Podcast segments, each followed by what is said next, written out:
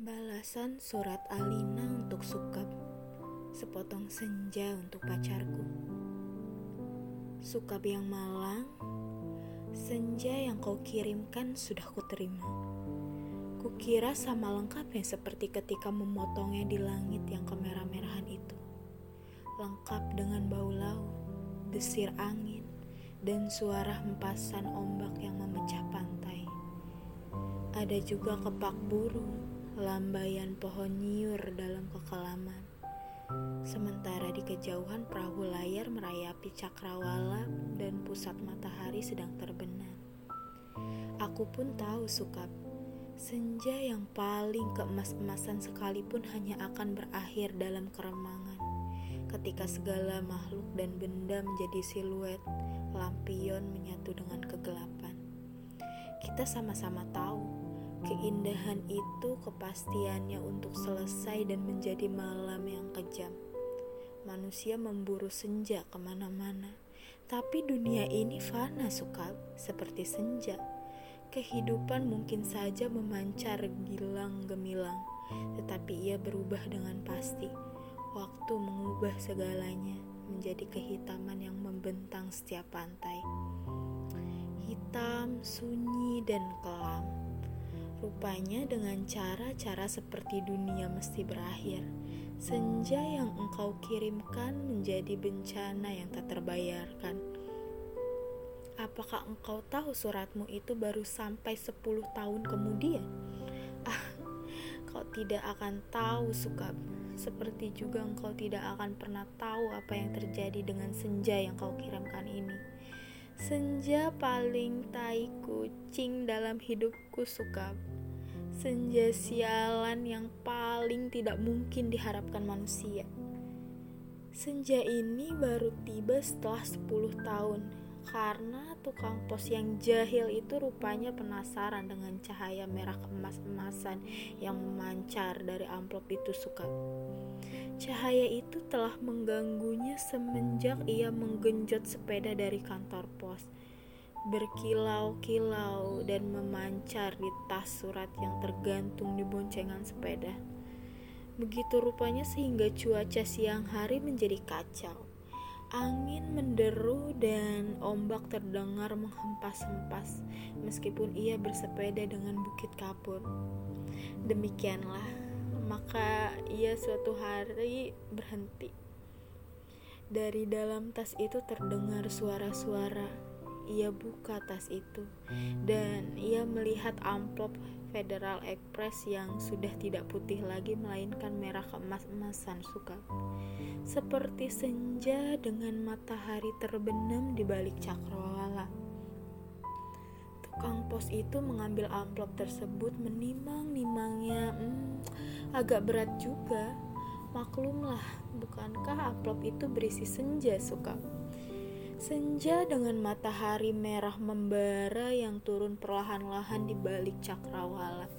Seperti semua senja yang ada di balik kartu pos, tapi yang kamu kirim itu bukan kartu pos suka.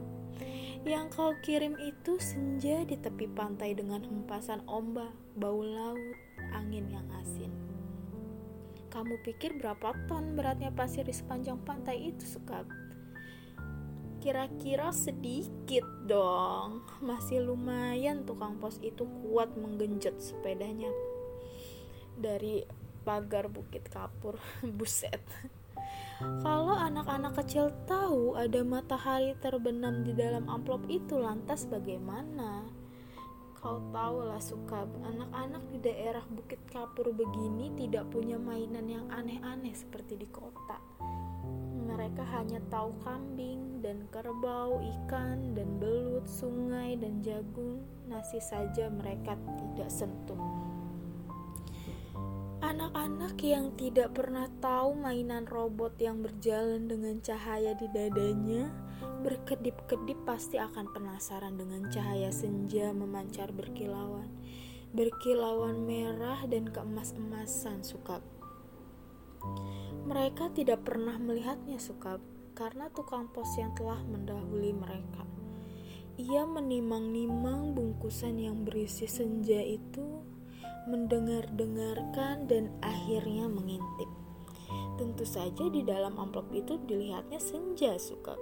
Senja terindah yang paling mungkin berlangsung di muka bumi. Ia mengintip dan terpesona.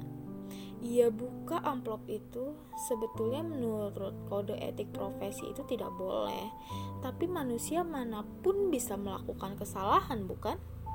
Ia buka terus amplop itu, dan lihat, senja dengan langit merah keemas-emasan di dalam sana, dan lihat mega-mega berpancar seperti perahu di danau, memberikan perasaan nyaman dan tenang. Siapa yang tidak suka merasa nyaman dan tenang di dunia? Suka di sebuah dunia yang miskin masih bersimbah darah pula. Maka jangan salahkan tukang pos itu suka. Jika ia kemudian menjadi begitu penasaran dan memasuki senja yang terbentang, tidak ada yang tahu apa nasib waktu. Ketika anak-anak akhirnya berkerumun di sekitar sepeda yang tergeletak itu, mereka hanya melihat cahaya senja yang kemerah-merahan yang semburat menuju langit. Amplop itu hanya bocor sedikit, tapi akiatnya sudah begitu rupa. Ini semua gara-gara kamu suka suka biang malang, bodoh dan tidak pakai otak. Sepuluh tahun tukang pos itu menggembara di dalam amplop. Kita tidak pernah tahu apa yang dilakukannya di sana. Apakah kemudian dia kawin, beranak pinak, dan berbahagia? Atau selama itu dia hanya duduk-duduk saja memandang matahari terbenam dengan perasaan kehilangan, sementara langit yang tadinya merah kemas-emasan, lambat lahan menggelap kebiru-biruan. Aku juga tidak pernah tahu bagaimana caranya menikmati senja di dalam amplop sukab. Sebuah ruang yang sungguh-sungguh terdiri dari waktu, Apakah waktu bisa diulang atau bagaimana aku pun belum pernah memasuki senja di dalam amplop? Atau apakah di dunia ini seperti di dalam amplop ya suka? Di mana kita tahu apa yang berada di luar dari diri kita, di mana kita merasa hidup penuh dengan makna, padahal yang menonton kita tertawa-tawa sambil berkata, "Ah, kasihan betul manusia." Apakah begitu, Sukab? Kamu yang hanya suka berhayal barangkali tahu. Tapi aku tidak mau hayalan. Aku tidak mau kira-kira. Meskipun usaha kira-kira itu begitu canggihnya sehingga disebut ilmiah, aku mau tahu yang sebenarnya. Apakah ada yang menyaksikan kita sambil tertawa-tawa? Kalau iya, apalah artinya hidup kita ini, suka? Tidakkah nasib manusia memang seperti ikan? yang diternakan hanya untuk mengisi di ruang tamu seseorang yang barangkali juga tidak terlalu peduli kepada makna kehidupan ikan itu.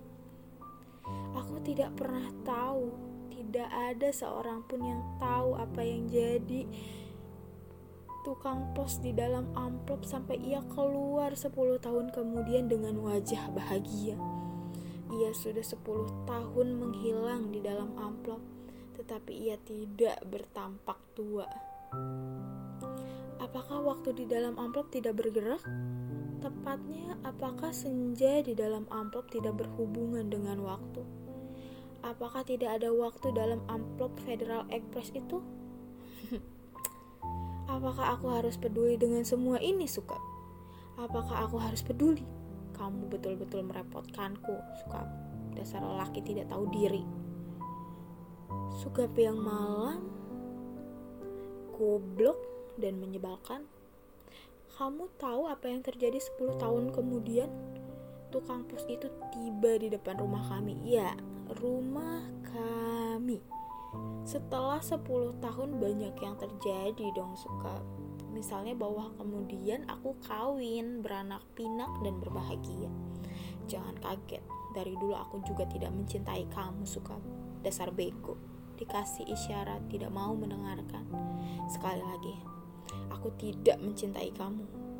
Kalau toh aku nampaknya baik selama ini padamu, terus terang harus aku katakan sekarang sebetulnya aku cuma kasihan. Terus terang aku kasihan sama kamu suka mencintai sedemikian rupa tapi tidak tahu yang kamu cintai sebetulnya tidak mencintai kamu Makanya jangan terlalu banyak berhayal suka pakai otak sedikit. Hanya dengan begitu kamu akan selamat dari perasaan cintamu yang tolol itu. Tapi bukan cinta tai kucing ini yang sebetulnya ingin ku ceritakan padamu suka. Soal cinta ini sama sekali tidak penting. Kamu harus tahu apa akibat dari perbuatanmu ini suka. Mengajukan permohonan senja untuk orang yang sama sekali tidak mencintai kamu. Tahu apa akibatnya? Begitu tukang pos itu pulang setelah kenapa kiriman Federal Express bisa terlambat 10 tahun, Aku buka amplop berisi senja itu dan terjadilah semua ini. Apa kamu tidak tahu, Suka?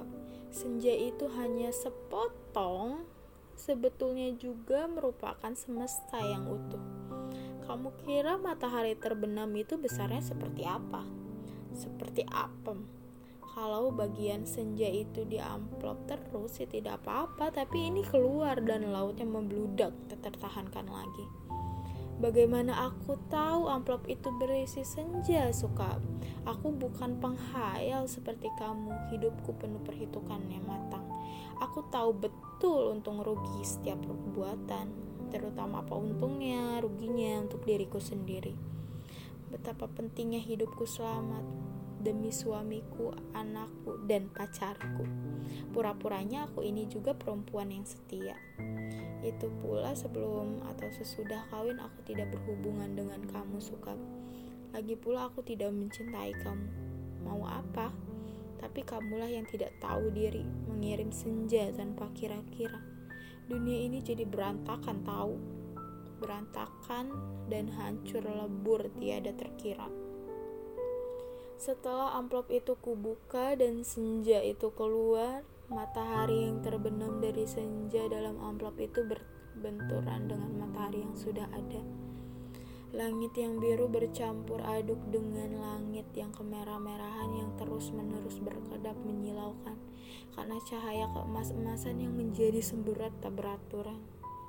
Senja yang seperti potongan kue menggelegak pantai terhampar seperti permadani di atas bukit kapur. Lautnya terhempas langsung membanjiri bumi dan menghancurkan segala-galanya. Bisalah kau membayangkan suka bagaimana orang tidak panik dengan gelombang raksasa yang tidak datang dari pantai tapi dari atas bukit. Air bah membanjiri bumi seperti zaman Nabi Nuh. Dunia menjadi gempar, tidak semua perahu yang sudah cukup untuk seluruh umat manusia kan. Lagi pula sampai kapan kapal dan perahu itu bisa bertahan? Tiada satu kota pun yang selamat. Lautan dari senjamu yang membuat langit merah membara itu menghempas dan membanjiri bumi dengan cepat sekali. Gendung pencakar langit di setiap kota besar di seluruh dunia. Gunung tertinggi di muka bumi, semuanya terendam udara. Bumi ini sekarang sudah terendam udara di mana-mana udara dan langit senja tak kunjung berubah menjadi malam. Segalanya kacau, suka gara-gara cintamu yang tak tahu diri itu. Suka yang malang, paling malang dan akan selalu malang. Aku menulis surat ini dengan kertas dan pena terakhir di dunia di atas puncak Himalaya.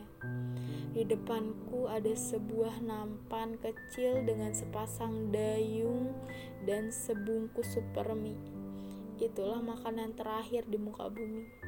Sisa manusia yang menjadi penggembara lautan di lautan dan perahu telah mati semua.